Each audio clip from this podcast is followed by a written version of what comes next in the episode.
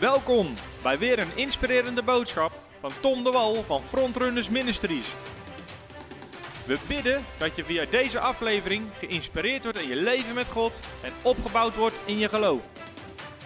Oké, wij hebben het over het koninkrijk van God en hoe wordt dat zichtbaar, hoe wordt dat merkbaar in jouw leven iedere dag. Dus niet zozeer op zondag in de kerkdienst, maar gewoon in jouw dagelijkse leven.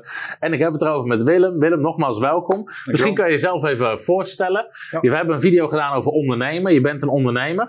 Dus als mensen die video terug willen kijken, wil ik je echt van harte uitnodigen. Vanavond zullen we misschien ook wat voorbeelden daarover vertellen, maar we willen het wat breder houden. Ehm, vertel me eens even wie je bent, waar je over gepassioneerd bent, eh, hoe je in elkaar zit. Vertel Ja. eens wat leuks. Vertel eens wat leuks. Nou, ik ben Willem Clemens. Allereerst eh, vader van vijf kinderen. In de leeftijd 22 tot 8. Dus het is eh, druk bij ons thuis. Ik hoef het gelukkig niet alleen te doen. Eh, ik ben inmiddels 16 jaar met Els getrouwd. En ons gezin is echt onze basis geworden. En dat is fantastisch mooi natuurlijk. Daarnaast, zoals Tom zei, ben ik ondernemer. Ik ben ook 16 jaar ondernemer in, op het gebied van, van uitzenden. Het voorzien van werk voor mensen. Dus een heel interessant thema in deze tijd. En ehm, eh, daarnaast mijn, mijn opvoeding, mijn achtergrond, als het gaat om eh, het geloofsleven wat, ik, eh, wat ik heb mogen ontdekken. Ik kom uit een hele traditionele achtergrond uit de oud-geformeerde gemeente in Nederland. Ehm, en dat, was een, dat was een club waar ik in opgevoed ben, waar geloof ik 30.000 mensen in zaten. En voor mij was dat de werkelijkheid van op dat moment het leven met God. Gelukkig heb ik mogen ontdekken dat er ook veel meer is. En heb ik uiteindelijk ook het Koninkrijk van God mogen Hmm. ontdekken. En, eh, en ook steeds meer leren toepassen, want Ja. we zijn allemaal onderweg. Hè? Ja, We zijn, eh, het is learning on the job, zeg ik altijd. Eh, maar dat is echt een feest om Hmm. eh, dat te mogen ontdekken. En ook met anderen daarin samen te mogen ontwikkelen. ja. Dus, Heel gaaf. We gaan het nou hebben over het Koninkrijk van God. En ik hoor jou meteen iets zeggen. Je hebt eigenlijk ontdekt dat het Koninkrijk van God groter was dan jouw kerkwereld, jouw geloofswereld. Ik weet, als Willem en ik hierover praten, we kunnen uren praten. Dus ik denk de uitzending die zal zo vol zitten. Ook als we helemaal niks voorbereiden, kunnen we het hier uren over hebben. Maar het thema, het Koninkrijk van God, heeft echt wat gedaan in jouw leven. Hè? Dat is echt wel heel... eh, Misschien wel even het belangrijkste thema geworden. Vanuit een religieus perspectief, een kerkperspectief. Naar een perspectief van het Koninkrijk van God. Kan je ons een beetje meenemen? Ja. En hoe dat is gaan leven. Maar ook, ik kan eigenlijk heel goed voorstellen. Wat je heel vaak ziet bij mensen. Ik heb het Koninkrijk van God. Maar dat is toch later, Willem? Dat is toch later in de hemel. Of later in het duizendjarige Ja. vrederijk. Dan hebben we het toch over het Koninkrijk van God. Ja, en dat was nou precies waar mijn, mijn eh, vraag ook over ging. Mijn zoektocht eerst naar God en naar zijn plan en naar zijn idee. Ehm, eh, mijn vraag aan God was: Heer, ik heb mooie verhalen van u in die prachtige Bijbel, maar die gaan over vroeger. En ik heb allemaal beloften die ik hoor, ook om me heen, ook in de kerk, en die gaan over later, als we in de hemel zijn. En ik heb dat toch als religie bestempeld. Zeg, alles wat alleen maar over vroeger gaat, of alles wat alleen maar over later gaat, dat is eigenlijk religie. Hmm. Maar het koninkrijk van God gaat over hier en nu. En dat gaat over het feit dat God in ons leven komt, in onze realiteit Hmm. komt, in onze wereld komt. En dat perspectief dat werd, eh, dat werd langzaam geboren. En toen begon ik me ook af te vragen, ja, God had natuurlijk een plan toen Ja. hij deze wereld schiep. Ja. Wat was zijn idee nu eigenlijk? En, als die, en dat plan wat hij had, Hmm. zou, zou dat plan nou kunnen lukken? Ja. Nou, God is God. Dus zijn plannen die gaan absoluut Mhm. lukken, want God die kan niet falen. Dus hij had een idee, eh, toen de aarde er nog niet was, om dat wat in de hemel is, op aarde te brengen. Dat Eigenlijk wat Jezus bad, Heer, zoals het in de hemel is, zo willen we het ook op aarde zien. Maar goed, jij zegt net van ja, ehm, later. Heel veel dingen zijn, worden inderdaad voor later bestempeld. Maar over het algemeen is het beeld bij heel veel christenen: het koninkrijk van God is toch voornamelijk voor later. Hm. Kan je ons een beetje meenemen dat? Hoe, Ja. hoe is bij jou een perspectief dan gekomen van: oké, het koninkrijk van God hier en nu? In mijn boek Superman schrijf ik natuurlijk een heel hoofdstuk, gaat daarover. Ehm, maar gewoon even jou praktisch, hoe, hoe, Ja, nou als eerste gewoon wat het woord van God er zelf over zegt. Hè? Eh, en eh, de tekst eh, die mij daarin de, heel erg aanspreekt altijd is aan het begin van Jezus' bediening. Eh, dan gaat Jezus spreken over het koninkrijk van God. En dan zegt hij, de tijd is vervuld. Het koninkrijk van God is dichtbij gekomen, Hmm. nabij gekomen. En dan zegt hij, bekeer je en geloof dit goede nieuws. Nou, die, die woorden zijn bij mij binnengekomen. Ja. Jezus geeft eigenlijk een opdracht die zegt, er is iets nu wat er niet was. Hmm. En nu wil ik dat jullie anders gaan denken, dat je gaat bekeren. En dit goede nieuws van dit koninkrijk gaat geloven. Hmm. En wat is dat koninkrijk? Nou, Jezus was zelf eh, de uitdrukking van het koninkrijk. En wat deed hij? Hmm. Hij ging rond en eh, alle, alle mensen die onderdrukt werden door de boze geesten, eh, eh, die, dat ging hij rechtzetten. Hij ging Ja. rechtzetten wat de duisternis krom had gemaakt. Hij ging de gevangenen bevrijden. Hij ging de eenzamen ging die bezoeken. En hij ging heel praktisch vormgeven Hmm. aan het koninkrijk van God. Niet alleen door goede werken, maar door op een bovennatuurlijke manier dingen recht te zetten Hmm. die krom waren. Dus het koninkrijk van God gaat over het recht van de hemel, de gerechtigheid van God, op aarde brengen, hier en nu. Hmm. En dat is niet alleen voor later. Zoek eerst het koninkrijk van God en Gods gerechtigheid. Ja. En dat willen we hier op aarde nu zien. Ja. Dus als je het koninkrijk gaat bestuderen, ik denk dat is heel belangrijk voor mensen. Voor mij was het ook een eye-opener, want ik, ik vergelijk dat met het evangelie van redding en zonde vergeven. Dat is vaak. Maar Jezus had altijd over het evangelie van het koninkrijk. En Jezus vertelt meer dan 50 gelijkenissen. En de meeste beginnen met het koninkrijk is als, het koninkrijk is als. Jezus deed heel veel moeite om het koninkrijk aan ons uit te leggen. Niet alleen voor later, maar vooral voor nu. Hoe we nu horen te leven als inwoners van het koninkrijk. En de Bijbel zegt, we zijn verlost, getrokken uit het koninkrijk van de duisternis. En overgezet, geplaatst in het koninkrijk van God. Dat is Colossense hoofdstuk 1. Dus dat is nu al een realiteit in ons leven. En als, we- als we het hebben over koninkrijk. Voor heel veel mensen is dat een heel vaag, vaag concept. Hoe, hoe kan je dat wat concreter omschrijven? Dus mensen zeggen, oké, je leeft nu in het koninkrijk van God. Hoe, hoe, hoe kan dat wat concreter worden voor mensen? Ja, kijk, als ik het met mijn kinderen daar bijvoorbeeld over heb, hè, dan Ja. beginnen we gewoon bij het begin. Hè, want dat Ja. is een woord, het koninkrijk. Ja. En ehm, omdat wij zo in, eh, tenminste mensen die uit de kerk komen, zo in een bepaalde mindset zitten, gaat over het koninkrijk van God. En dat is dan een woord en een term geworden. Maar wat is nou een koninkrijk? Dan ga ik met mijn kinderen, heb ik daar, begin ik daarover te praten. Zeg, nou, als jullie aan een koninkrijk denken, waar denk je dan aan? Even niet koninkrijk van God, maar gewoon een koninkrijk. Waar denk je aan dan? Ja, dan denken ze niet aan een kerk. Nee. Daar kom je niet op. Nee, dan denk je aan kastelen, ridders, prinsessen, eh, eh, eh, burgers, Mm. eh, koning, strijd, ge- gebied innemen. En dan Ja. krijg je die oude films voor je waar, Ja, ja, paarden aan het rennen zijn. Dan denk je aan een koninkrijk. En dat is wel heel goed om dat besef even te Mm. hebben. Want het koninkrijk van God is natuurlijk een invasie vanuit de hemel. hemel. En dat is eigenlijk een overname Ja. van de aarde. Hmm. Jezus die teruggekomen is en die gezegd heeft: hey, ik heb de aarde gemaakt. Er is van alles misgegaan in het paradijs. Maar ik ga terugkomen om deze wereld terug te kopen. En ik ga mijn koninkrijk ga ik vestigen. Hmm. Dat betekent, mijn orde gaat daar komen. Mijn heerschappij gaat er komen. Ik ben opnieuw koning. Jezus heeft gezegd, ik ben koning. Hè? Ik heb alle autoriteit op aarde Matthäus gekregen. 28. Matthäus 28, heel belangrijk.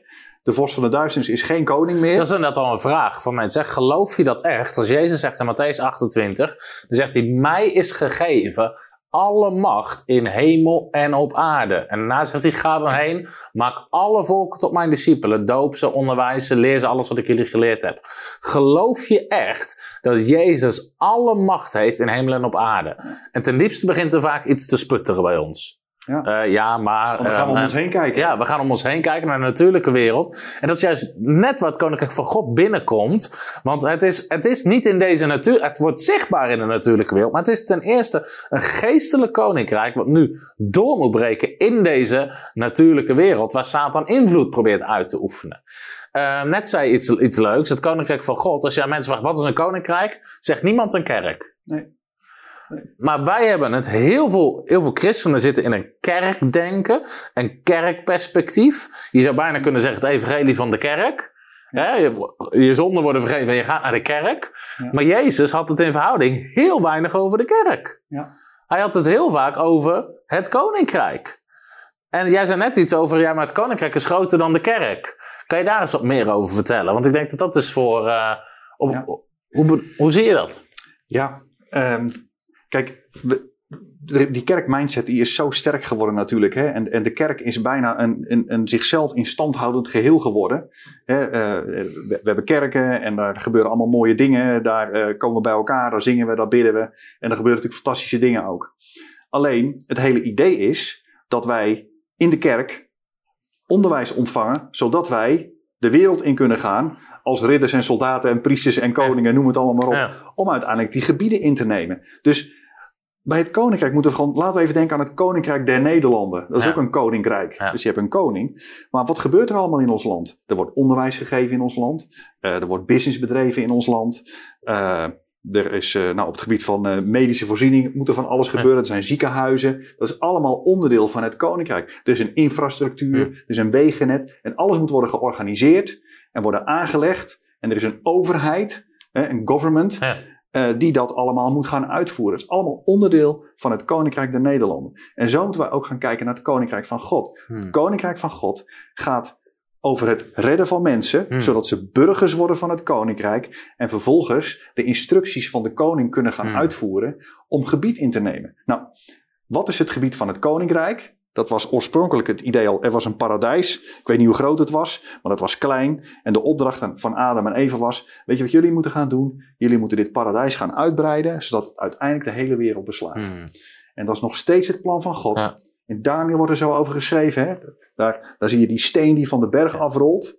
Ik geloof dat dat de kerk is. Ja. Niet door mensenhanden gemaakt. En die rolt van de berg af. En die steen die neemt uiteindelijk alle andere koninkrijken, deze hele wereld over. Ja. Zodat uiteindelijk alles en iedereen onderdeel is van Hmm. het koninkrijk van Jezus Christus. Hmm. Dus het koninkrijk gaat over elk onderdeel van de maatschappij. Hmm. Overal in de maatschappij moet het DNA van het koninkrijk ingevoegd worden. En Jezus vergelijkt het ook met ons, vergelijkt ook met licht en zout en zuurdesem. Wij moeten in de wereld gaan, onderdeel zijn van de wereld en daar de invloed van de hemel gaan laten gelden. En daar heb je eigenlijk, daar komt het uit bij de kerk. Want Jezus zegt op Jezus heeft het als het gaat over de kerk, dat is natuurlijk een beetje een woord wat eigenlijk best ongelukkig vertaald is. Dat Ja. beseffen heel veel mensen niet, want het is zo bekend voor ons. Maar Jezus heeft het altijd over ecclesia. En dat is het woord voor kerk. Ik zal mijn ecclesia bouwen. En dan zendt hij apostelen uit om dat te doen. Maar dat woord ecclesia is, eh, heeft te maken met een autoriteitsvorm. Het was een, eh, als mensen bij elkaar kwamen in die tijd om iets te beslissen, bevoegdheid hebben, autoriteit hebben, dan werd dat ook een ecclesia genoemd. Dus Jezus wil een model waar bevoegdheid, autoriteit stroomt naar deze wereld. Dus de kerk is een middel om overal het koninkrijk van God te brengen. Maar het koninkrijk is veel groter dus dan de kerk. En dat is zo belangrijk, want het wil ieder onderdeel van de maatschappij raken en beïnvloeden. En eigenlijk is het heel eenvoudig. Het is een geestelijk koninkrijk. Jezus is Heer, Jezus is koning. En zijn heerschappij wil ieder mensenleven aanraken, maar wil ook bedrijven, schoolsystemen, onderwijs. Wil het allemaal eigenlijk invloed op hebben. En dat is eigenlijk wat Jezus onderwijst. Even heel basic over het koninkrijk van God. Jezus zegt in meerdere gelijkenissen: Het koninkrijk van God is als zuurdesem, wat je door het, het deeg heen doet en het doorzuurt alles. Het koninkrijk van God is als mosterdzaadje wat je plant, maar het wordt het grootste van allemaal. Het hele idee is dit: het koninkrijk van God wordt ergens in gezaaid. Het is in jou, maar je zaait het ergens in en het begint invloed uit te oefenen. Het wordt groot. En wat is die invloed? Het is de invloed vanuit de hemel, wat in de hemel is, wat Gods plan is in de hemel, doorvoeren op, op aarde. Dat was Jezus' gebed in het Onze Vader. Heer, laat uw wil geschieden, zoals in de hemel, zo op aarde. Dat is waar Jezus het koninkrijk voor bestemt. Hij zei tegen Petrus, hij zegt, ik geef je de sleutels van het koninkrijk. Wat je zult binden, zal, gebonden zijn. En wat je zal ontbinden, zal ontbonden zijn. In andere woorden, wat je, wat, je, wat je ontvangt vanuit de hemel, moet je hier vrijzetten. En wat in de hemel niet toegestaan is, moet je ook zorgen dat het op aarde uitgebannen wordt. Dat is wat Jezus daar onderwijst. En we gaan nu niet al die teksten heel diep lezen, maar om even een gedachtegoed mee te geven. En kan je bijvoorbeeld eens een concreet voorbeeld? Hè? Je bent ondernemer, je hebt meerdere bedrijven. Ja. Ehm, hoe, hoe heeft dat op een gegeven moment jouw perspectief met het Koninkrijk van God? Ehm, hoe raakt dat dan bijvoorbeeld? Want je zit in uitzendbureaus, je, je faciliteert uitzendbureaus, je hebt uitzendbureaus, dus je zet gewoon mensen aan het werk. Hoe komt daar het Koninkrijk van God bij kijken? Ja, hoe doe je dat nou? hè? Want Ja. je, zit, je zit midden in de wereld, Ja. midden in, de- in, in wereldse Je bent niet een type wat alleen maar christenen in dienst heeft. Nee, nee, ik denk dat eh 70% van de mensen die eh, bij mij in dienst zijn, dat die geen christen zijn. En, maar toch ook aspecten van het koninkrijk van God zien. En alles begint ook weer vanuit. Kijk, voor mij werd dat ook concreet toen ik ging zien, maar wacht even, als het koninkrijk van God eh, ook over alles gaat en als God nu, nu al de aarde wil overnemen, hè, want dat is het eigenlijk, en hij wil dat samen met ons doen, nou dan zal ik ook wel ideeën hebben en strategieën hebben Mhm. en manieren hebben om dat te doen. Want ja, Maar hier raak je eigenlijk ook alweer een belangrijk punt. Dat ehm, vanuit ons denken, denken we vaak dat God het moet doen. Terwijl Jezus zegt, mij is gegeven alle macht. En nu zegt hij tegen ons, ga. ja, Dus hij verwacht het van ons. In handelingen kan je lezen dat Jezus was nog op aarde 40 dagen lang onderwees hij ze aangaande het koninkrijk. Maar Jezus ging het niet meer doen. Dus dat niet dat Jezus nog een keer rond ging zieken genezen, demonen uitdrijven. Hij onderwees ze en hij zond ze uit en zegt ik geef je de kracht van de Heilige Geest. Je zult kracht ontvangen en nu ga naar de uiteinden van de aarde. Nu moeten wij het gaan doen. Dus soms denken we ja maar waarom zien we het koninkrijk van God op zoveel plekken nog niet doorbreken? Dat ligt niet aan de koning, dat ligt aan de onderdanen in dit geval. Ja, en aan de theologie ook eh, natuurlijk. Hè? Want als ons vertelt dat het koninkrijk van God gaat later een keer komen. Ja, waarom zouden wij nu, nu dan daarmee bezig moeten zijn? Ja. Dan zeggen we, joh, die aarde is gewoon een tranendal nu. Ja. En we moeten er maar een beetje doorheen eh, zien te akkeren met elkaar. En hopen dat het later goed komt. Ja, Als dat onze opdracht is, ja, dan snap ik die mindset ook. Maar als we gaan zien, nee, maar wacht even. Jezus zegt dat het koninkrijk er nu al is. ja. En hij wil samen met ons dat koninkrijk vestigen. En hij zegt, ik heb je macht gegeven om de boze geesten uit te drijven. En om rondgaan, Ja. rond te gaan op deze wereld zoals ik rondga. Ja. Ja. dat is natuurlijk een ongekende opdracht die je helemaal lam zou leggen. Want hoe moet je dat in vredesnaam Ja. gaan doen? Maar hij zegt, joh, je hoeft het niet alleen te doen. Ik geef de Heilige Geest. Ja. En die wil dat samen met jou doen. Hmm. En die geest, die, dat is de geest van de waarheid. Dat is de geest die voor ons bidt. Dat is de geest die voor ons uitgaat. Dat is, dat is de geest die alle werken al heeft voorbereid. Dus Ja. God heeft een compleet plan liggen over hoe hij dat koninkrijk wil bouwen. Dus het begint met de vraag, nou heer, als u dat Ja. plan heeft, dan zou ik het wel handig vinden als u daar wat over vertelt. Hm. Want dan weten we ook op welke manier we dat mogen doen. Dus het begint praktisch met de overtuiging. God heeft strategieën en heeft plannen en heeft werken voorbereid voor ons. En wij hoeven alleen maar de werken die hij voorbereid heeft te doen. Dus je moet, je moet weten wat je eigen roeping is, wat je identiteit in Christus is. En er zijn een aantal, je zou kunnen zeggen, voorwaarden eh, die je gewoon helpen om te kunnen gaan, om in ontspanning te kunnen gaan. Dus als ik nu bid, Heer, heeft u ideeën over mijn bedrijf, dan heb ik ook het geloof en de verwachting dat God daar Hmm. antwoord op wil geven. Ja. En dat komt omdat ik die verandering in mijn denken heb gehad, die bekering in mijn denken, dat het koninkrijk van God er nu is. En daarom verwacht ik ook dat hij antwoord geeft. En dat kan eh, in allerlei hele concrete situaties. Ik heb, ik heb laatst natuurlijk wat, eh, wat over gezegd. Concrete situaties over het aannemen en het, en het ontslaan van mensen. Eh, ja, hoe doe je dat? Ja. Maar daar heeft hij ook ideeën over. Want er, Ja. hij- er is de geest van wijsheid, raad en inzicht die voor ons beschikbaar is. Dus ja, als het om, om, om, om, om een voorbeeld gaat. Eh, ik, nou ja, ik, ik heb het laatste, ik heb het afgelopen zondag ook benoemd, hè, maar ehm, we hadden bijvoorbeeld een, eh, een debiteur die, eh, die niet betaalde. Hmm. Nou, wat doe je dan? Eh, we hebben gewoon een debiteurenbeleid, hebben wij ook. En Ja. eh, eh, eh, je gaat bellen en je krijgt alle smoezen krijg je langs eh, waarom iemand wel of niet betaalt. Eh, nou goed, long story short. Uiteindelijk eh, kiezen we ervoor om samen eh, eh, met een collega onderweg te gaan in de auto naar die debiteur.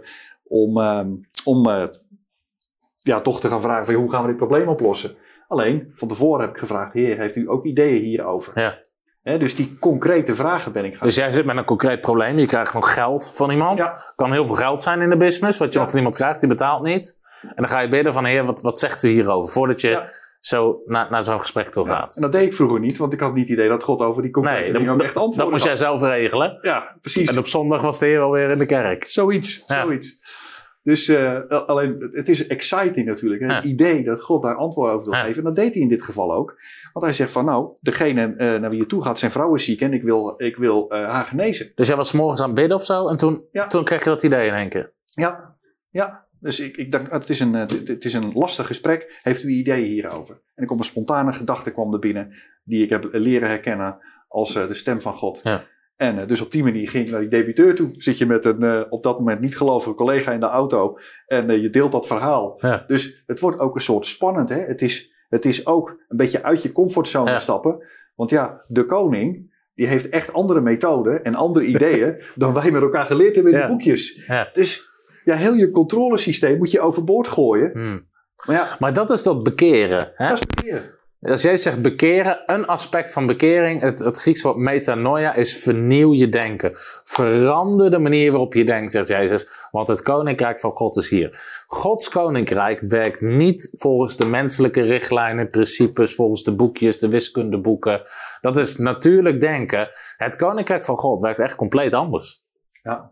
ja. Dus jij zit in de auto met een ongelovige collega, je zegt tegen die, je zegt, joh, Ik wil- keuze één, hè, om het te delen. ja, ja, want je, je zegt, als jij zit in de auto en zegt, joh, ik was aan het bidden Ja, en toen sprak God. Nou, dan kijken mensen al naar je van, Ja. gaat helemaal lekker verder? ja, precies. En dan zeg je, en eh, dus jullie, jullie gaan erheen om geld op te halen. En dan zeg je, ik heb dat zijn vrouw ziek is. Ja, en dat God ze wil genezen. En dat God ze wil genezen. Nou, oké, nou interessant. En eh, goed, eh, je hebt een verhouding met elkaar, dus dat, eh, dat gaat dan, we zijn allemaal beschaafd natuurlijk. Maar Ja. je, je ziet je collega denken, oké, hier is iemand ernstig in de war. Dus, maar goed, we gaan, naar die, we gaan naar die debiteur toe. We zitten daar in het gesprek. En uiteindelijk ergens halverwege dat gesprek zegt die beste man, die zegt opeens... ja, trouwens, ik heb er ook niet veel aandacht aan besteed, want mijn vrouw is ziek. Nou, op dat moment zie je de realiteit van het Koninkrijk van God. En zie je iets binnendringen, zag ik ook bij mijn Hmm. collega. Die dacht, wacht even, hier is iets anders aan de hand. Hmm. En dus we kregen een gesprek daarover. Ik kon daar in, op dat moment kon ik daar delen. Voor, dat ik voor hem gebeden had. En dat ik geloof dat God zei, jouw vrouw gaat genezen. Dus dat heb ik daar ook gezegd. Ik heb er verder niks mee gedaan. Eh, het gesprek werd afgesloten. En we gaan terug naar huis. Ik heb een heel ander gesprek op, op de terugweg als op de heenweg. Ja, ja, ja. ja. Ja. En want dat opende Ja. opeens het perspectief van het koninkrijk van God voor die persoon. Het is ook Hm. mooi, hè? Dus wij mogen leven in het koninkrijk, delen uit het koninkrijk. Ik heb het met hem nog niet over Jezus gehad. Ik heb het nog niet gehad over bekering. Maar hij ziet het koninkrijk. Hmm. En er staat ergens zo mooi in de Bijbel: hè, van ze worden met eh, eh, eigenlijk bijna het koninkrijk in. Ze, ze, ze willen zo graag het koninkrijk binnengaan. Ik, weet- ik weet die tekst niet meer precies hoe die er staat, maar bij De geweldenaars, bij- ja. Ja, met, met, met geweld willen ze eigenlijk ook dat koninkrijk Ja. binnengaan. Want dit is hoe wij Ja. willen leven. Nou, dat zag ik gebeuren in de, in de auto op de terugweg. En eh, het mooie is, eh, nou het is een lang verhaal, maar uiteindelijk belt eh, die debiteur. Zijn vrouw is inderdaad genezen. En het geld is overgemaakt. En waarom is het geld overgemaakt? Omdat het bedrijf overgenomen was door een, een, een investeerder. En die investeerder heet Jezaja Finance. Oh, wauw. God voorziet. Ja. Dus dat is een praktisch voorbeeld van het koninkrijk. En dat begint dus met weten dat God in onze realiteit is, zich met alle details van ons leven wil bezighouden, omdat het zijn koninkrijk is. En dus ook zijn bedrijf is, of in, in ons gezin ook, daar gebeuren ook eh, dit soort dingen. Dat komt omdat het, wij zijn zijn kinderen, wij zijn zijn zonen en dochters, dit is allemaal van hem. ja. Dus we hoeven het niet alleen te doen. Dus in dat soort hele praktische situaties zie je in één keer het koninkrijk van God. Zie je een, Ja. stukje, een stukje van de hemel de aarde aanraken. Ja.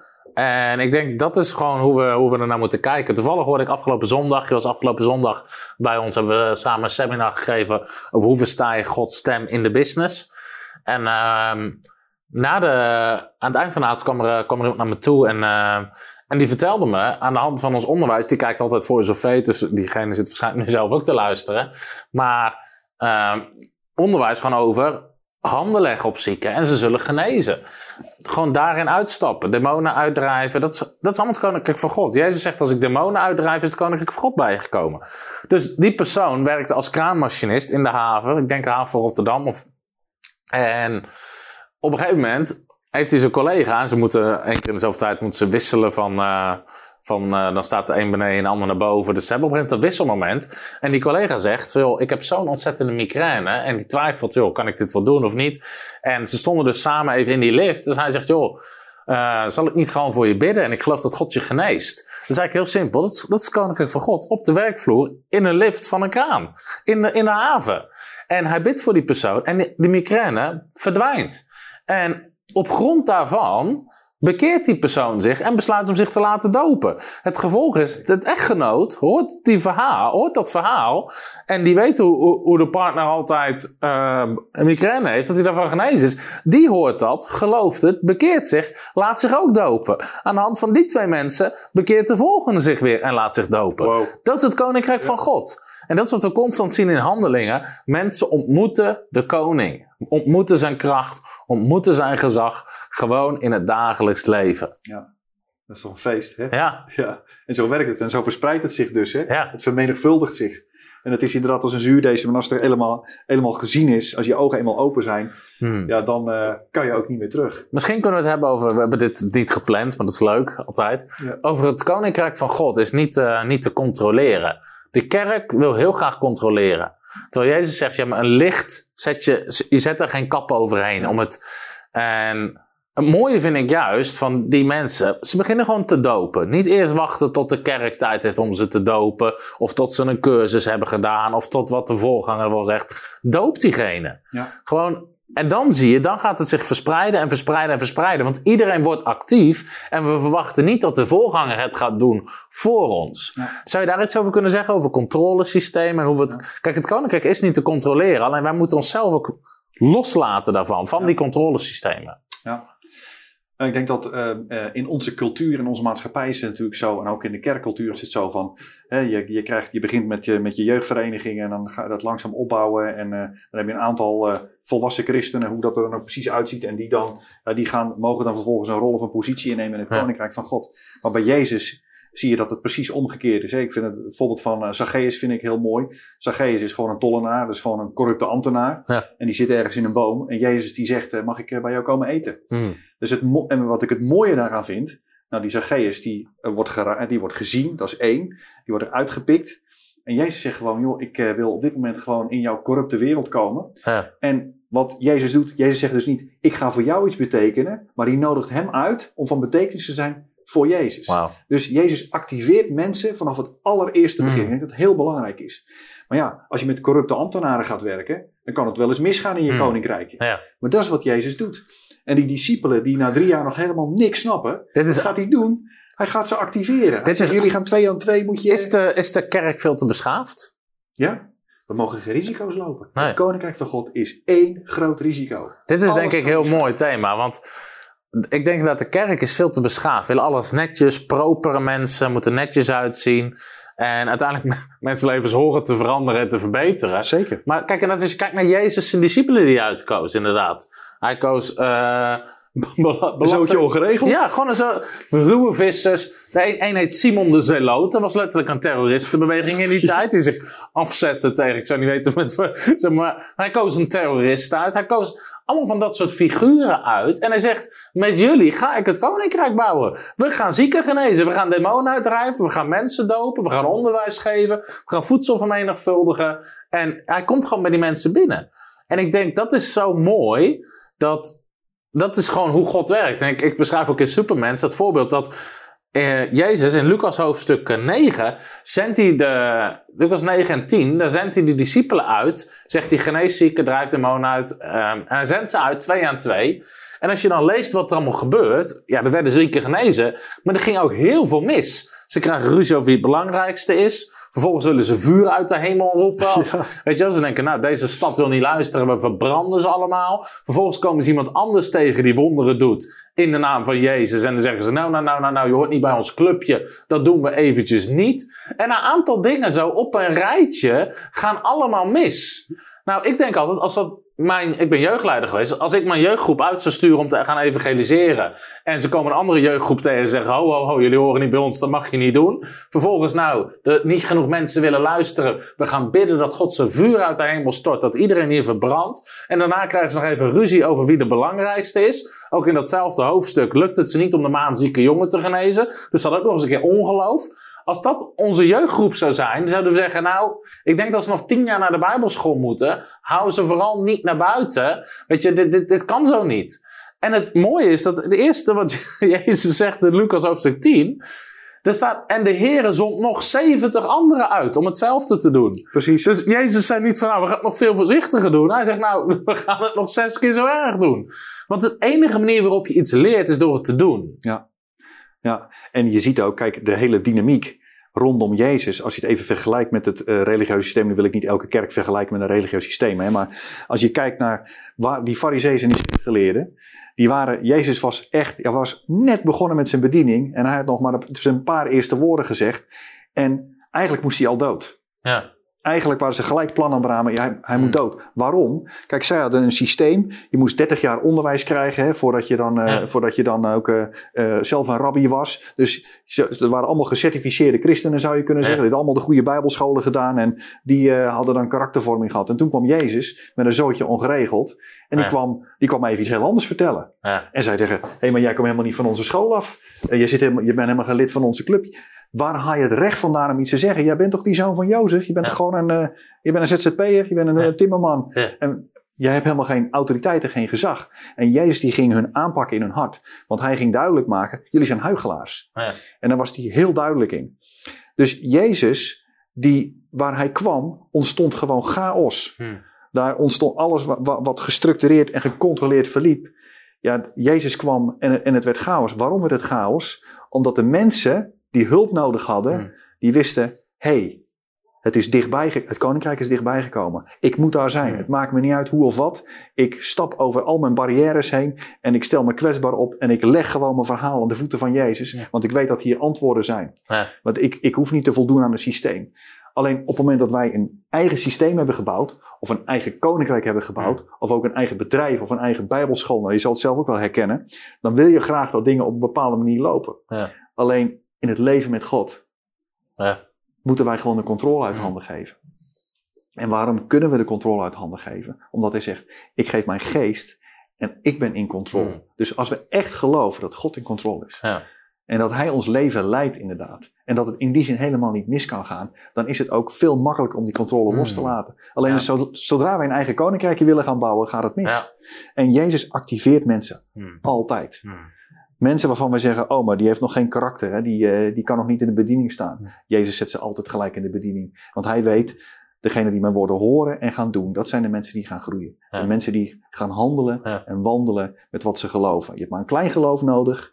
Als een mosterdzaadje. En we hoeven helemaal niet zoveel te weten.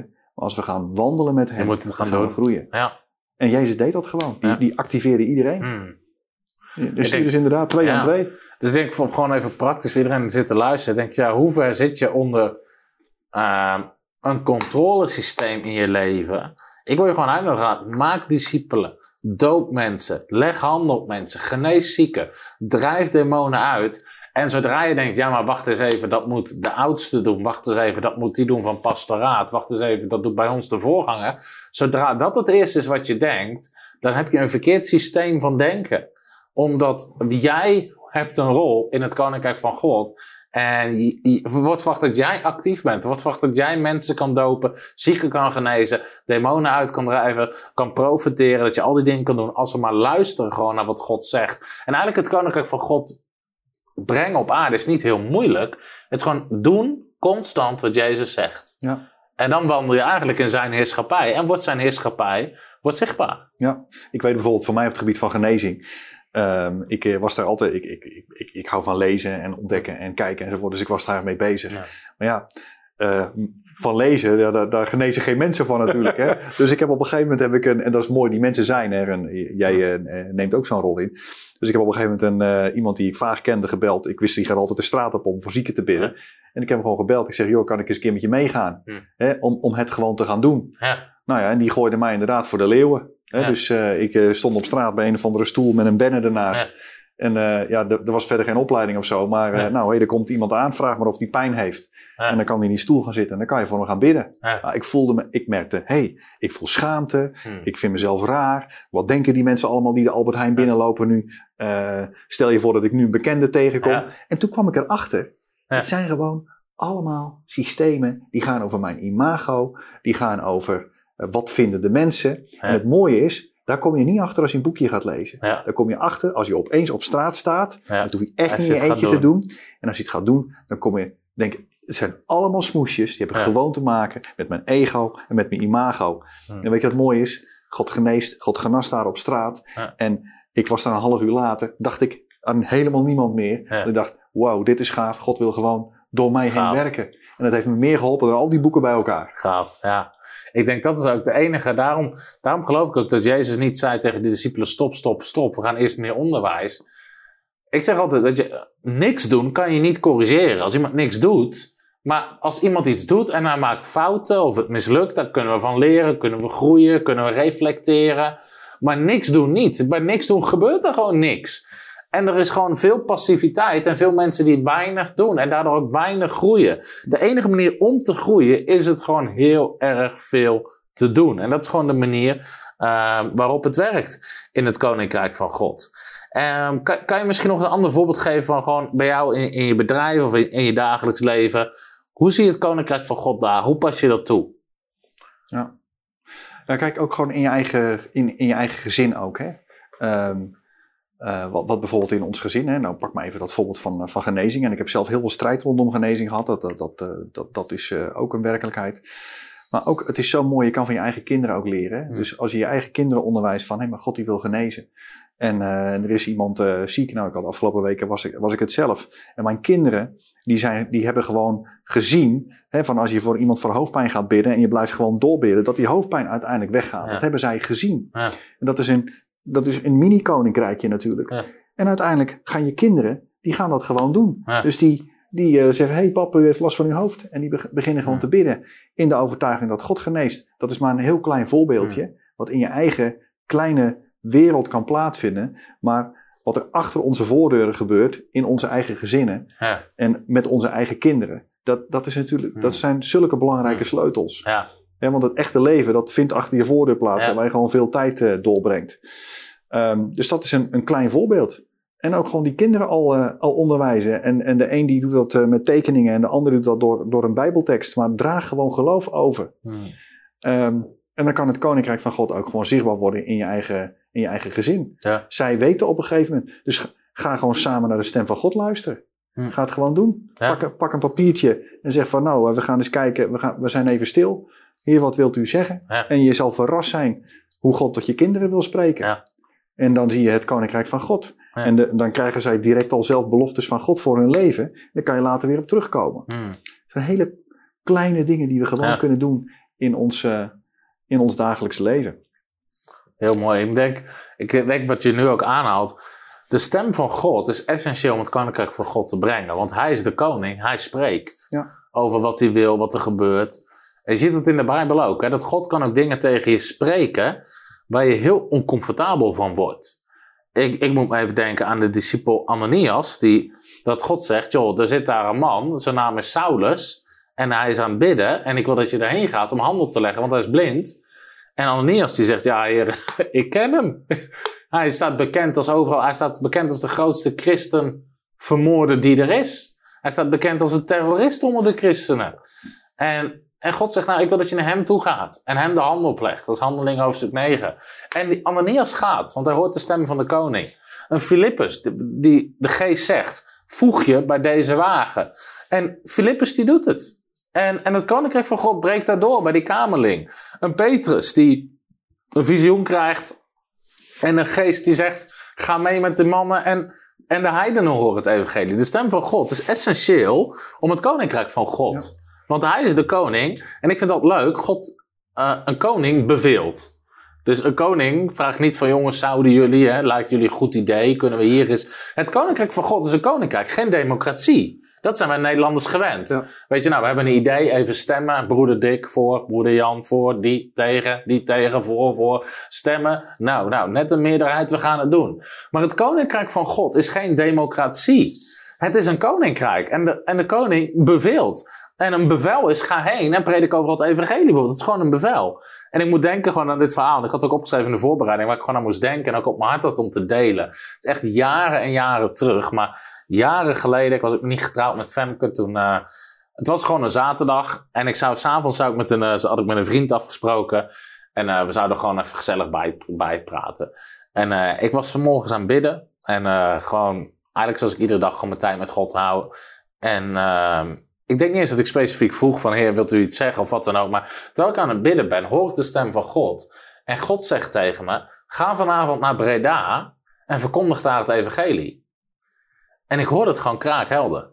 En ik had er helemaal geen zin in. Ik had echt geen zin om een vrije zaterdagavond, waar ik ook nog eens een keer een afspraak heb staan met iemand. Ja, je eigen plannetjes. Ik had mijn eigen plan. Ja. En ik had helemaal geen zin om naar Breda, weet je, daar tussen die kroegen en al die mensen. En dan daar op straat het evangelie te gaan verkondigen. Dus wat doe je dan? Dat is de na-na-na-na-reactie, weet je. Ik denk, nou, ik negeer het gewoon even. En, uh, maar heel de tijd komt het terug. Nee, Tom, ik wil dat je vanavond naar Breda gaat. En dus ik, weet je, ik weer erover bidden. En ik zei, ja, en ik zei gewoon, heer, ik, heb er weinig zin in. En terwijl ik, maar, maar het kwam elke keer terug. En terwijl ik aan het bidden ben, zag ik een, in een beeld, zag ik een, een roze, een roze overhemd. Dus ik weet, ik weet alleen maar, ik moet vanavond naar Breda toe om het evangelie te verkondigen. En Breda is denk ik 30 kilometer of zo van, uh, van waar ik woonde. Half uurtje rijden.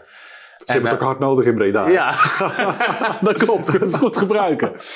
Dus uh, in ieder geval, ik, ik stuurde die vriend, ik belde hem op. Ik zeg, joh, ik weet, we hebben vanavond afgesproken. We zouden er gezellig bijkletsen, maar ik heb het op mijn Ja, ik heb gewoon het idee dat God zegt dat ik daar naartoe moet om, om, om het evangelie te gaan verkondigen. Dus ja, ik wil het eigenlijk boven onze afspraak stellen. Nou, was ook geen probleem. Dat moest ik ook vooral doen.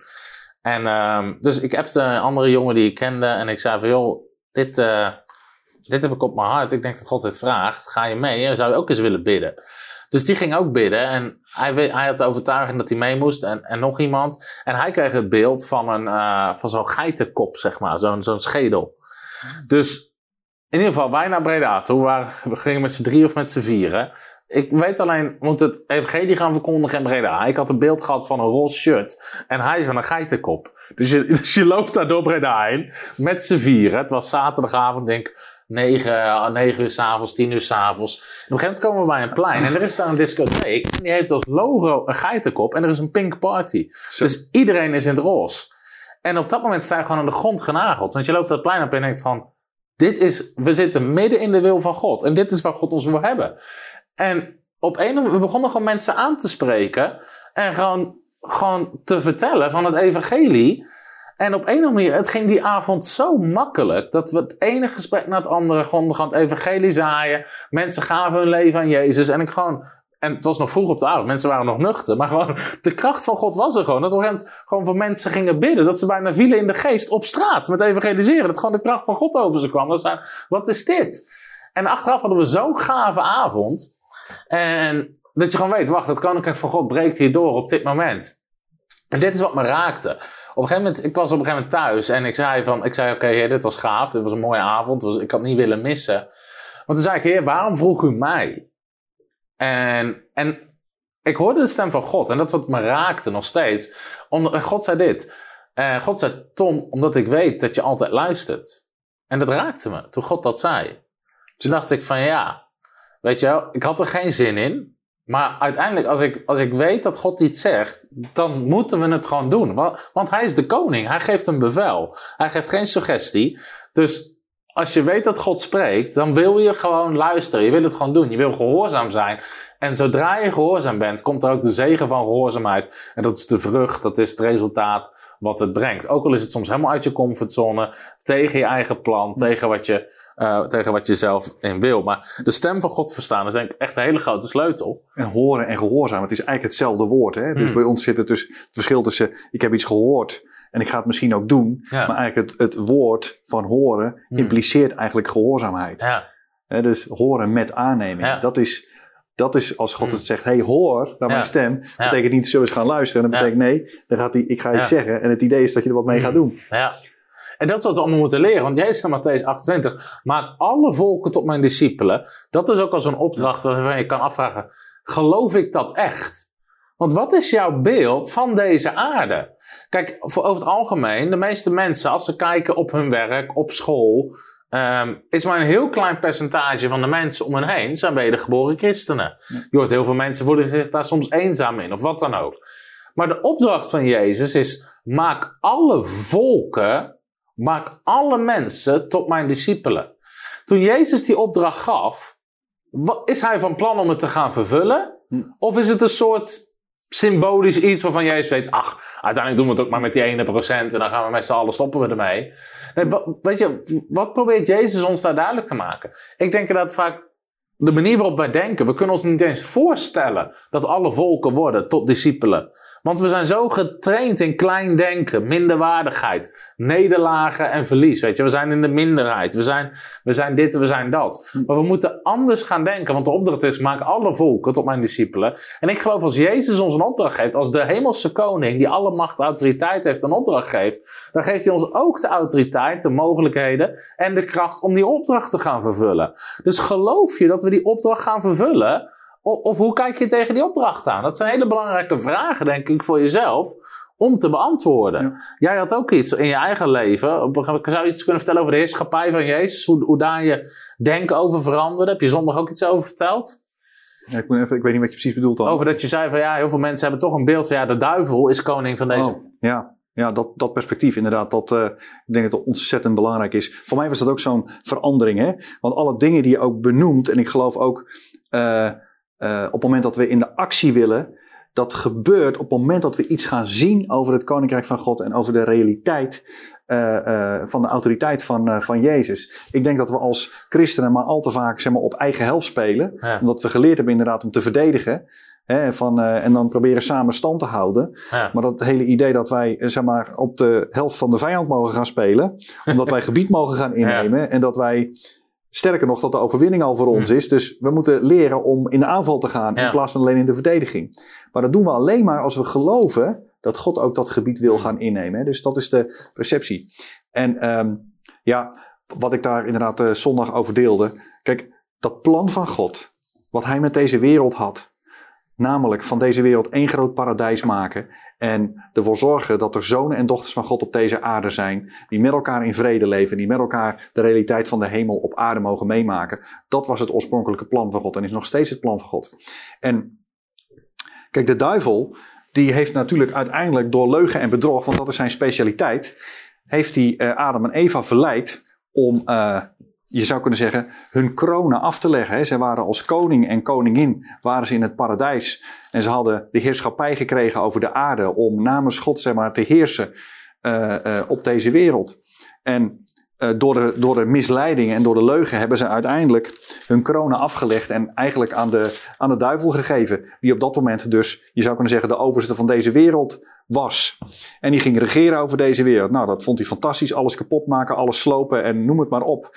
Alleen wat we vaak vergeten is dat wat er in het paradijs gebeurde, dat wij bij God vandaan zijn gegaan. Maar God is deze aarde, je zou kunnen zeggen, kwijtgeraakt. En al zijn kinderen is hij kwijtgeraakt. Dus het is de vader die zijn kinderen kwijt was. Nou, wat is er nu erger? Een kind die zijn ouders kwijtraakt of een ouder die zijn kinderen kwijtraakt? Dus, en in de, de liefde die God heeft voor zijn eigen schepping, heeft hij natuurlijk Jezus naar deze wereld gestuurd. En wat was de opdracht van Jezus? Eigenlijk heeft Jezus een transactie gedaan. Die heeft betaald met zijn bloed, dat was de prijs die beschreven werd in de wet. En waar heeft hij voor betaald? Hij heeft voor deze hele wereld betaald. Voor alle mensen, voor alle systemen, voor uh, alle landen, voor alles wat er in deze wereld is. En Jezus heeft feitelijk de hele wereld teruggekocht en de duivel dus ontroond. Ja. De duisternis ontroond. Dus de duisternis heeft geen enkele autoriteit meer. Die heeft alleen nog maar illegale acties. Ja, die intimideert alleen nog maar. Doet net of hij nog in charge is. En daar is hij nog vrij succesvol in. Ja. Omdat wij dat goede nieuws vaak niet kennen. Ja. Want als we dit woord kennen, dan gaan die trucken van de duivel, dat hij nog ook maar iets te zeggen heeft, die, die gaan natuurlijk direct mm. van tafel. Dus Jezus is nu koning. Mm. Opnieuw. Hij heeft de wereld teruggekocht. En je zou kunnen zeggen, juridisch gezien is de deal closed. Dus de deal is rond. Het is een don deal. Op elk gebied, over genezing, over bevrijding, over deze hele wereld. Het staat gewoon vast. Ja. Alleen, we weten, er is een verschil tussen D-Day en V-Day. Hè? Ja. Er is een verschil toen de geallieerde landen op Normandië. Ja. Uh, dat was nog niet het moment dat iedereen bevrijding ervoer. Ja. En wij zijn geroepen om die juridische werkelijkheid, namelijk dat Jezus koning is, om ja, de executie daarvan te doen. Hmm. En Jezus zegt, weet je wat jij bent en wat ik ben en wat we allemaal zijn? Wij zijn een ambassadeur van een ander koninkrijk. Dus wat God zegt, op het moment dat jullie spreken, in mijn naam, dan staat de hemel staat achter jullie. Hmm. En dat hele koninkrijk, dat staat achter jullie. En wij gaan jullie rugdekking geven. Wij gaan zorgen dat als wij spreken, dat de hemel in beweging komt. En de engelen in beweging komen. En alles in beweging wordt gezet. Om onze woorden kracht bij te zetten. Hmm. Wij zijn ambassadeurs. Heel mooi. En de juridische werkelijkheid, Ja. die hebben we achter ons staan. We hebben de hemel achter ons staan. Het enige probleem is dat wij vaak in de leugen geloven. Wie ben ik? Ja. Wat kan ik nu? En is dat koninkrijk er wel? En daarom zie je het belang van toch theologie, dat we weten Ja. wat de beloften van God zijn en weten wat de realiteit is. En ik Ja. geloof dat de duisternis, die weet gewoon, ik moet heel dicht op de waarheid gaan zitten Hmm. om mensen uiteindelijk te kunnen misleiden. En dus wij moeten de realiteit gaan Hmm. zien. En we moeten allemaal ook in ons Bijbeltje gewoon lezen wat God Ja. zegt over het koninkrijk. Want op het moment dat dat gezetteld is in ons denken, kan die duivel, die kan zijn werk niet meer doen. Nee. Want die leugens die doorzien het dan direct. Ja. En ik denk als het gaat om een stuk theologie, wat je aanhaalt, is. ehm, ik moest denken aan die tekst uit Handelingen hoofdstuk 4. Daar bidden de apostelen ook. Dan zeggen ze: Heer, sla acht op hun bedreigingen. Hebben we die camera van bovenaf? Kijk eens. Heer, sla acht op hun bedreigingen, want ze werden ook bedreigd toen ze het koninkrijk gingen prediken. En er staat: En geef uw dienstknechten met alle vrijmoedigheid uw woord te spreken, doordat u uw hand uitstrekt tot genezing, tekenen en wonderen, die gebeuren door de naam van uw heilige kind Jezus. En toen ze, dat ze gebeden hadden, werd de plaats waarin ze bijeenkwamen bewogen en ze werden allemaal vervuld met de Heilige Geest en spraken het woord van God met vrijmoedigheid. Hm. Ik moest aan twee dingen denken. Aan de ene kant dat wat we nodig hebben is vrijmoedigheid. En ik denk daar ontbreekt het ons heel vaak aan. Gewoon Ja. vrijmoedigheid, gewoon Engelstalig is boldness. Hè? Je hebt echt gewoon een bepaalde boldness in je. En omdat we vaak in dat bepaalde leugens geloven. En Ja, wat je heel vaak ziet is ehm, een christendom met een theologie van nederlagen en verlies. Zo in het grotere plaatje eh, van, hoe, eh, weet je wel, dat wat ik zei, geloof je echt die opdracht? Gaan we, alle volken tot de discipelen maken? Of gaan we als, als met onze staart tussen ons benen vluchten we er tussenuit? Wat, wat, is, wat is je theologie? Maar ook over je persoonlijke leven. Als jij jezelf ziet als, ja, maar ja, weet je, ik ben ook niet belangrijk, ik ben ook niet bijzonder, ik ben ook niet dit, ik ben ook niet dat. En of is jouw beeld, ik ben een kind van de Allerhoogste God. God is mijn koning. Ik ben vervuld met de Heilige Geest. Ik heb geloof, wonderen en tekenen gebeuren door mijn handen. Ik ben rechtvaardig in Christus. Ik heb autoriteit over de duivel. De zegen van Abraham is op mijn leven. Alles wat ik onderneem, geluk, goedheid en gunst zullen me volgen. Alle dagen van mijn leven. God bevestigt zijn woord in mijn leven. Ik heb de naam, de autoriteit van de Heer Jezus Christus. Als dat de manier is waarop je ten tonele komt, dan kom je heel anders ten tonele. Dus en dan hebben we een hele andere vrijmoedigheid ook om gewoon te prediken. Want we weten, God bevestigt zijn woord met wonderen en tekenen. God staat achter wat hij gezegd heeft. En ik denk, we kunnen allemaal altijd groeien in die vrijmoedigheid. Want Ja. heel vaak zijn we toch voorzichtig met heel veel dingen. Ja. En als ik dan denk aan het boek Handelingen, hoe Paulus gewoon... Kijk, wij denken vaak in onze, onze maatschappij, hè, dan hebben we het over allerlei immoraliteit en hoe heftig.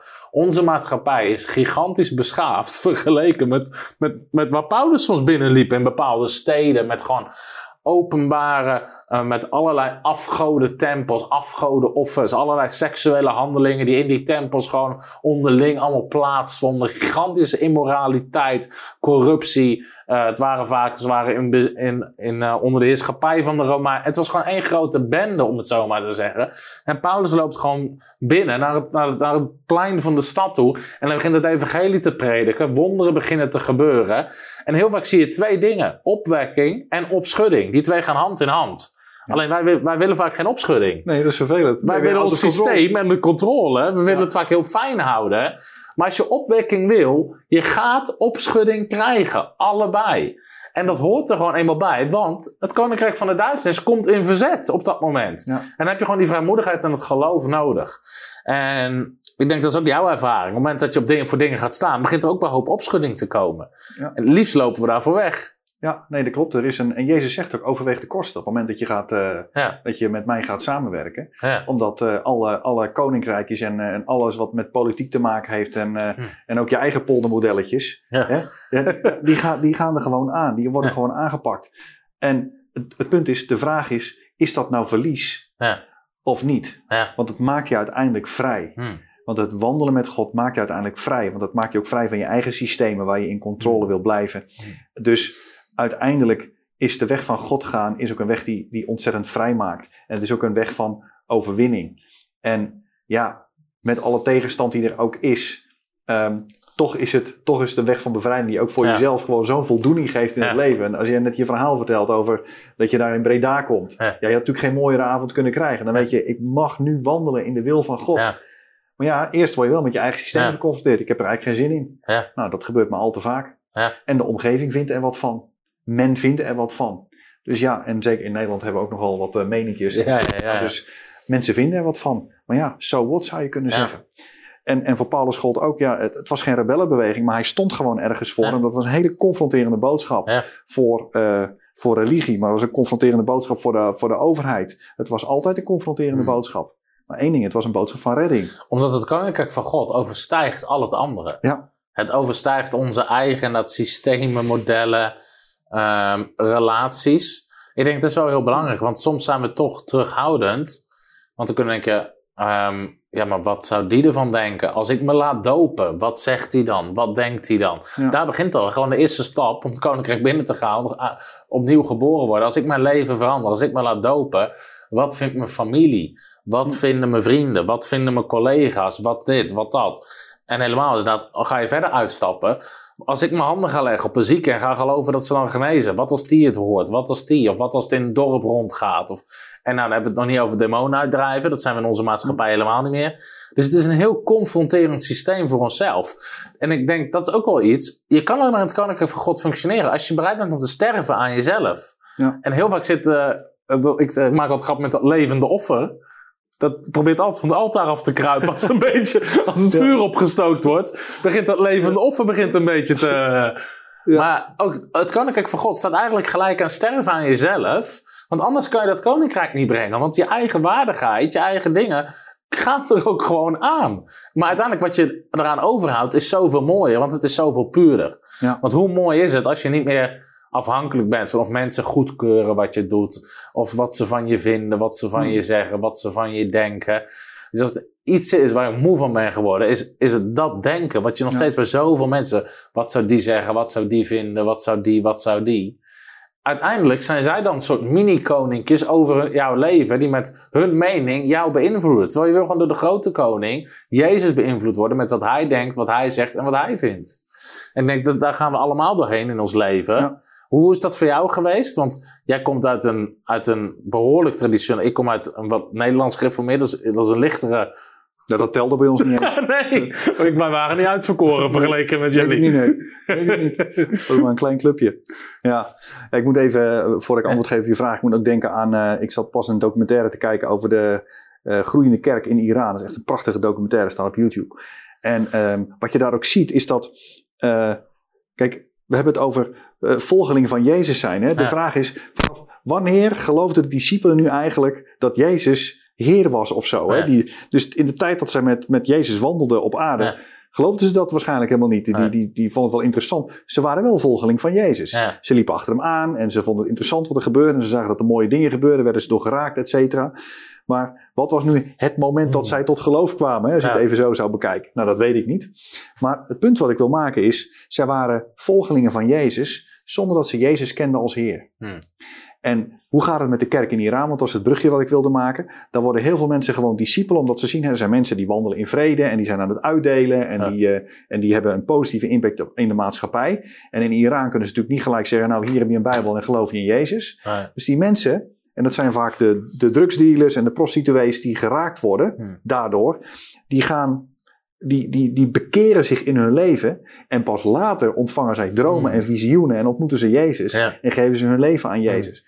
En zo groeit de kerk daar met allemaal gebroken mensen van drugsdealers en prostituees. Het is de snelst groeiende kerk op aarde. Heel, echt heel mooi om, eh, om te zien. Nou, hoe dat bij mij ging. Ik kom uit een traditionele eh, eh, club. Dus ik heb vooral me door heel veel, je zou kunnen zeggen, denksystemen moeten worst- worstelen. En dat heeft mij echt veel tijd gekost. Ik heb echt, ik noem dat, ik heb moeten ontgiften. Ja. Dus ik ben een tijd helemaal niet naar de kerk gegaan. En ik ging zondagochtend ging ik in het bos wandelen.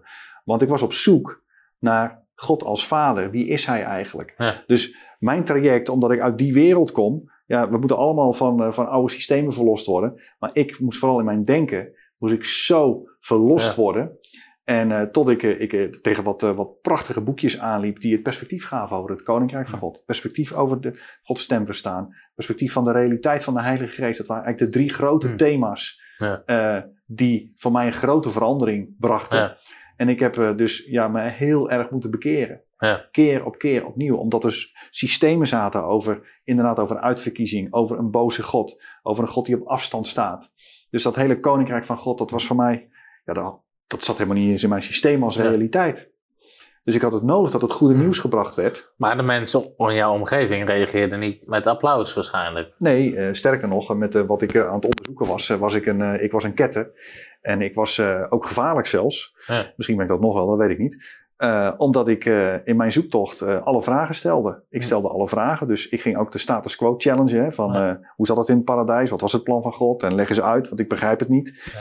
En dat waren hele vervelende vragen blijkbaar, die Ja. bepaalde eh, religieuze contexten eh, ja, niet gesteld mochten worden. Ja. Maar dat heeft mij juist in beweging gezet. Dus mijn omgeving, op, het moment, op dat moment, eh, kon eigenlijk ook geen antwoorden geven. En ik ben God gaan vragen. En ik heb het voor mij een andere keer ook gedeeld. En uiteindelijk is er iemand vanaf de andere kant van de wereld gekomen. Die het antwoord was voor mij. Hmm. die gewoon de realiteit van het koninkrijk van God kon laten zien. Die Hmm. kwam in mijn wereld. Eh, en die liet mij gewoon zien hoe God zich eh, met, in mijn gezin wilde eh, bemoeien met de dagelijkse praktijk. In mijn bedrijf wilde bemoeien met de dagelijkse praktijk. En die trok gewoon een tijdje met me op. En ik dacht, dit is wat, dit is wat Jezus doet. Hmm. Die komt onze wereld binnen. Want die, weet ook waar, die wist ook waar ik vandaan kwam. Ja. En die wist ook welk zwaar systeem dat was. Dus die is mijn wereld binnengekomen, gewoon omdat ik het gevraagd Hmm. heb. En stuurde mensen op mijn pad die in mijn wereld kwamen. En eh, die, die mij konden helpen met vernieuwing in mijn denken. Ik had heel veel vernieuwing in mijn denken nodig. Om überhaupt het woord van God eh, te kunnen lezen. Want Ja. ik kende dat bijbeltje uit mijn hoofd. Ik kende Ja. alle namen en feiten uit mijn hoofd. Dat, ik, ik, ik had behoorlijke bijbelkennis. Alleen het, het kwam Ja. niet binnen. Nee, Er, er zat geen geloof bij. ja, precies, ja. En God Je moet het mixen met geloof. ja, en dus ik kom uit een hele complexe omgeving wat dat betreft. Allemaal goedbedoelende mensen, daar gaat het niet over. Nee. Alleen, het was een omgeving van totaal ongeloof. En ik denk, het maakt inderdaad niet zo uit. Als je trouwens vragen hebt hierover, ik ga zo meteen even vragen eh, beantwoorden. Dus als je vragen hebt voor Willem of voor mij, stel ze vanaf nu even in de reacties en zo meteen gaan we daar ook naar kijken. Ik denk inderdaad, het gaat niet zozeer om eh, wat voor soort kerkachtergrond, of je nou helemaal niet gelovig bent. Iedere achtergrond heeft zeg maar zijn, ehm, zijn, zijn zwaktes, om het zo maar te zeggen. Ja. Ik maak me soms best wel zorgen over wat, wat ik zie bijvoorbeeld bij kinderen die al opgroeien in de charismatische of in de Pinksterbeweging of in de evangelische beweging, dat zij veel minder waarde hechten omdat het al heel vanzelfsprekend is. Aan de ene kant is dat heel mooi, want je wil dat voor kinderen heel vanzelfsprekend is. Maar alles waar je niet voor gevochten hebt, daar hecht je soms minder waarde aan. Dus ik heb me inderdaad ook door zo'n systeem heen moeten knokken. Waarvan mensen zeiden, maar God geneest niet. En zo werkt het niet. En tongentaal is niet. En allemaal, het is allemaal niet. Dus je bent dat, met knokken ben je daar doorheen gekomen. Door al die meningen van mensen. Mensen die je terug willen dringen. Weet je, maar en dat je toch zegt, nee, ik geloof dat God geneest. Ik geloof in demonen uitdrijven. Ik geloof in tongentaal. Ik geloof in de doop in de geest. En inderdaad met allerlei vragen. En hoe zit dat dan? En, weet je, en je knokt je daar doorheen. Letterlijk. Dat het hele oude denksysteem. Al die vragen. En hoe zit het met Paulus? En hoe zit het met Job? En hoe zit het met dit? En hoe zit het met dat?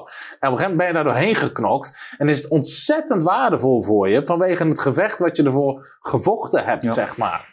En nu is het gevaar dat als we het gewoon maar zo weer aanprijzen van kant en klaar, van hier is het, dat de volgende generatie, of andere mensen, hechten daar helemaal niet dezelfde waarde aan, omdat ze er niet voor gevochten hebben. Dus het gaat eigenlijk niet zozeer om, om wat voor achtergrond je hebt, maar gewoon welke waarde hecht je aan het woord van God, voor wat je vanwege de, waarmee je er, het moet persoonlijk worden. Het moet iets doen in je eigen leven. Soms moet je door die frustraties heen, je moet door al die periodes heen. Het koninkrijk van God is wat dat betreft, is geen patsboom koninkrijk. Ook niet wat zich in één klap dan manifesteert en helemaal perfect in ons leven is.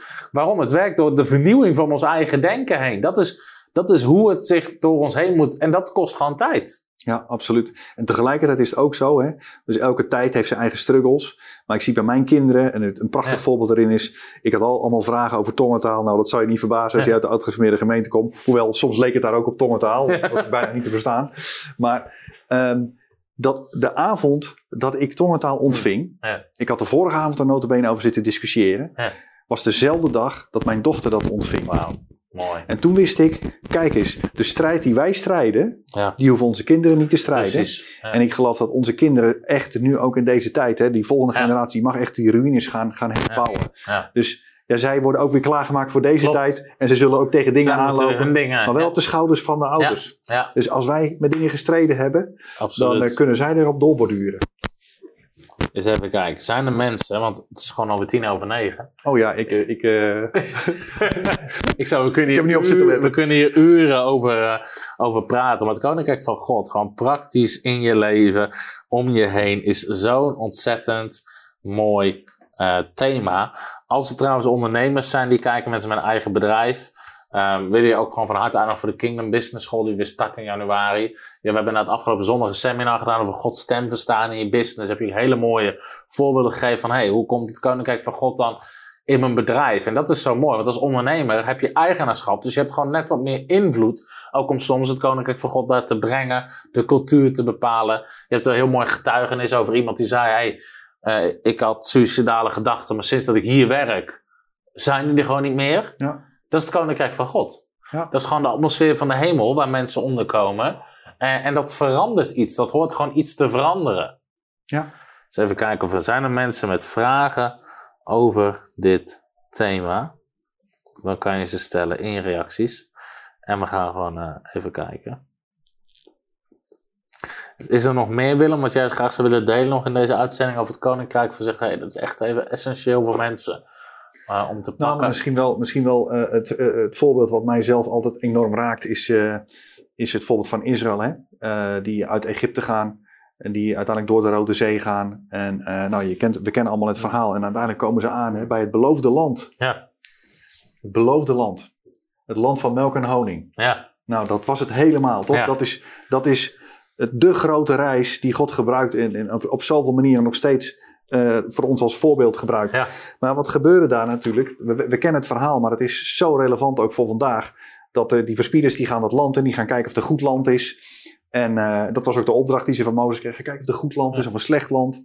Die komen terug en ze zeggen allemaal, allemaal zeggen ze, dit is echt een land van melk en honing. Hmm. Je zou kunnen zeggen, dat gaat al over toen over het koninkrijk van God. Hè? ja, Kijk eens, een land van melk en honing, een land van overvloed, Ja. een land van genezing, Land van een land belofte, waar wij mogen ja. wonen, het land van de belofte. Alles is er. PS, er lopen reuzen. ja. Nou, daar was God er vergeten bij te zeggen. Hè? Ja.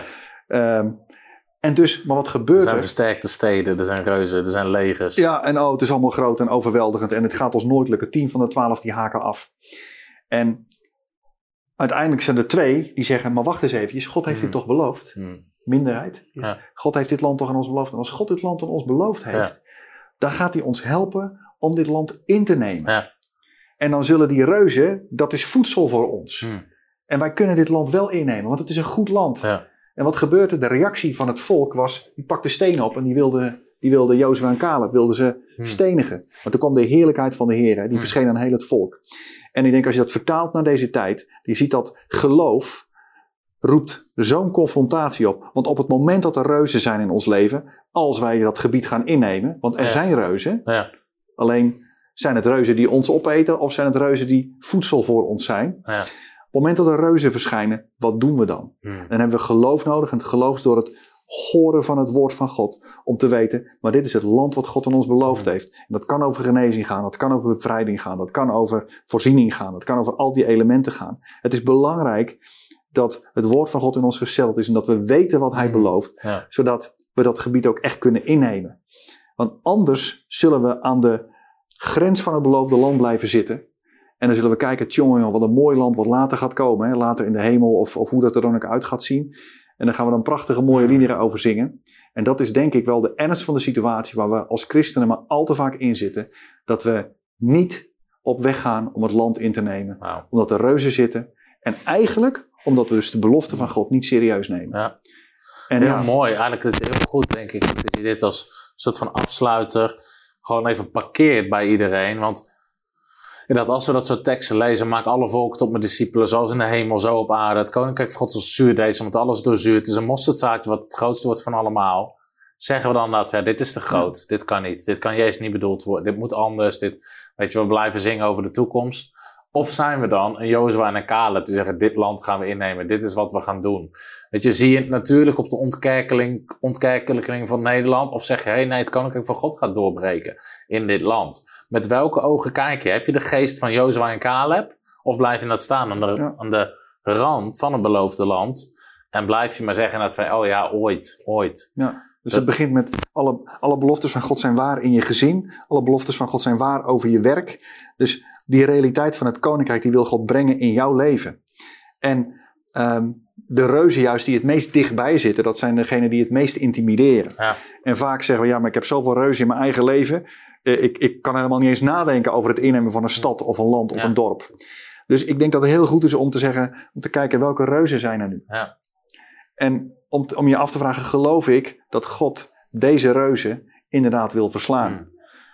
En Jozef en Caleb, die waren ook met z'n tweeën. Ja. Dus zoek iemand in, die in geloof met je staat om Ja. die reuzen te verslaan. Want als jij je eigen reus verslaat, Ja, dan geloof je, oké, dan gaat die volgende er ook wel aan. ja, klopt. En laat het er gewoon niet bij zitten. Accepteer ze niet. En ik denk, een van de dingen waar ik ook nu aan moet denken. God zei ook op een gegeven moment in Jozua, zegt God, hoe lang ben je nog traag om het land in te nemen? Het ging niet snel genoeg naar Gods zin. En God zegt letterlijk, breng het beloofde land in kaart, welke gebieden je nog in moet nemen. Opnieuw is het dan volgens mij Caleb, die zegt, hé, hey, maar dit heeft God me beloofd. Weet je, geef me die berg, geef me die stad, geef me dat land. Hij is Ja. 80 en hij is nog steeds net zoveel weggelust. Dus het zegt iets over de geest die hij met zich meedroeg. Maar in diezelfde context zeggen Hebreeën, wees niet traag, maar navolgers van hen, die door geloof en geduld de beloftes beërven. Dus ik geloof ook, er moet een bepaalde actie in ons komen en die traagheid moet eruit. Ja. Van heel lang wachten, overleggen, overdenken. Op een gegeven moment moeten we in de actiemodus komen. Want dat is gewoon wat God van ons vraagt. En dat zeggen, die geest van Jozef en Caleb, die moet op ons gaan, eh, gaan komen. Dus misschien, eh, ik zie verder geen vraag hierover willen, maar misschien zou je willen bidden. Voor iedereen ook die kijkt en ook in licht met wat je net hebt gedeeld, dat, we, dat er gewoon een generatie op gaat staan Ja. met die mindset, met die geest om beloofde land in te nemen. En Heer, dank u dat u de belofte heeft gegeven. Want daar begint alles. Wij zitten hier met elkaar te praten over uw koninkrijk en over het innemen van gebied. En er is maar één reden. Dat is dat u het beloofd heeft. Amen. En we weten dat wat u belooft, dat u dat waarmaakt. Dat u de alfa en de omega bent. U begint in ons leven. U bent in ons leven begonnen en u zult het ook afmaken. En al uw beloften, die zijn ook ja en amen in Jezus Christus. Dus we mogen weten dat die beloften in vervulling gaan. En dat onze ogen dat ook hier en nu in dit leven, in het land der levenden, zo staat het zo mooi in de psalmen, dat onze ogen dat mogen zien. En ik bid op dit moment voor iedereen die luistert. Nu of later.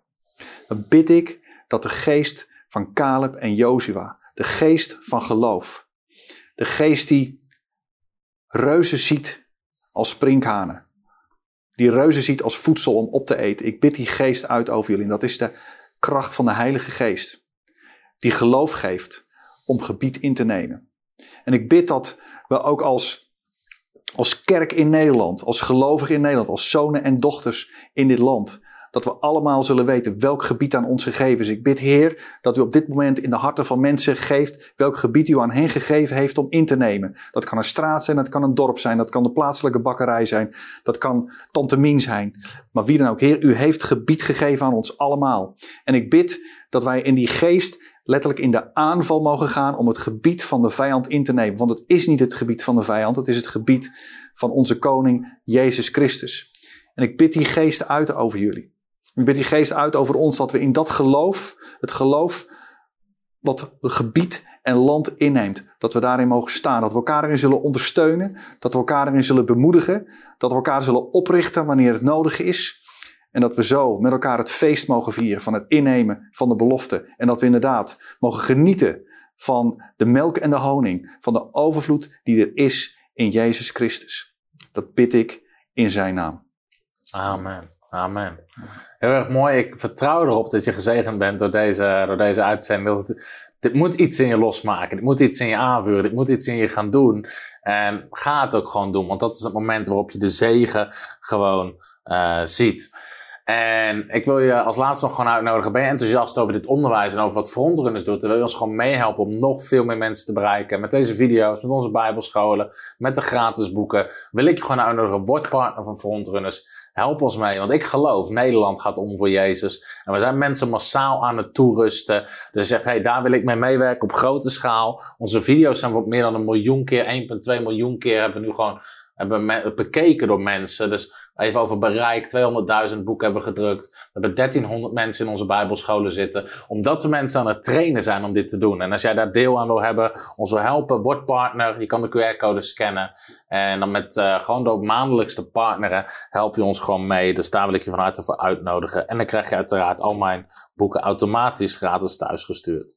Dus we hopen dat je daar aan meedoet. En uh, Willem, jij ontzettend bedankt dat je, dat je bij ons was. Het, uh, ik geloof echt dat uh, wat je gedeeld hebt mensen echt enorm gaat bemoedigen, inspireren. Wat ik mooi aan je vind is, je bent gewoon ondernemer. Dus je bent niet, het is niet een dominee die het vertelt. Het is niet, mensen denken altijd het is voor de dominee, het is voor de prediker.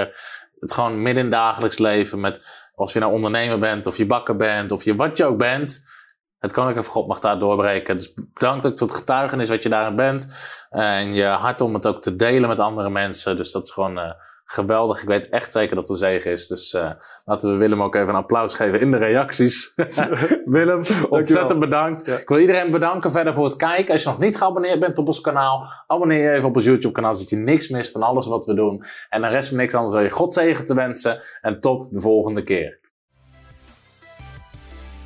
Hallo, Tom de Wol hier en bedankt dat je weer geluisterd hebt naar onze podcast. Ik bid dat het je geloof gebouwd heeft en je bemoedigd bent. Als je niet alleen een luisteraar van onze boodschap wil zijn, maar ook een verspreider daarvan, wil ik je uitnodigen om partner te worden van Frontrunners. Door jouw maandelijkse donatie help je ons om dit evangelie van Jezus Christus en het woord van God over heel de aarde te brengen. Om partner te worden, ga naar www.frontrunnersministries.nl slash partners en word partner. Hartelijk bedankt en tot snel. Heb je ook zo genoten van deze inspirerende boodschap van Tom de Wal? Abonneer je dan op deze podcast. Volg ons op Facebook en op Instagram en kijk op onze website frontrunnersministries.nl.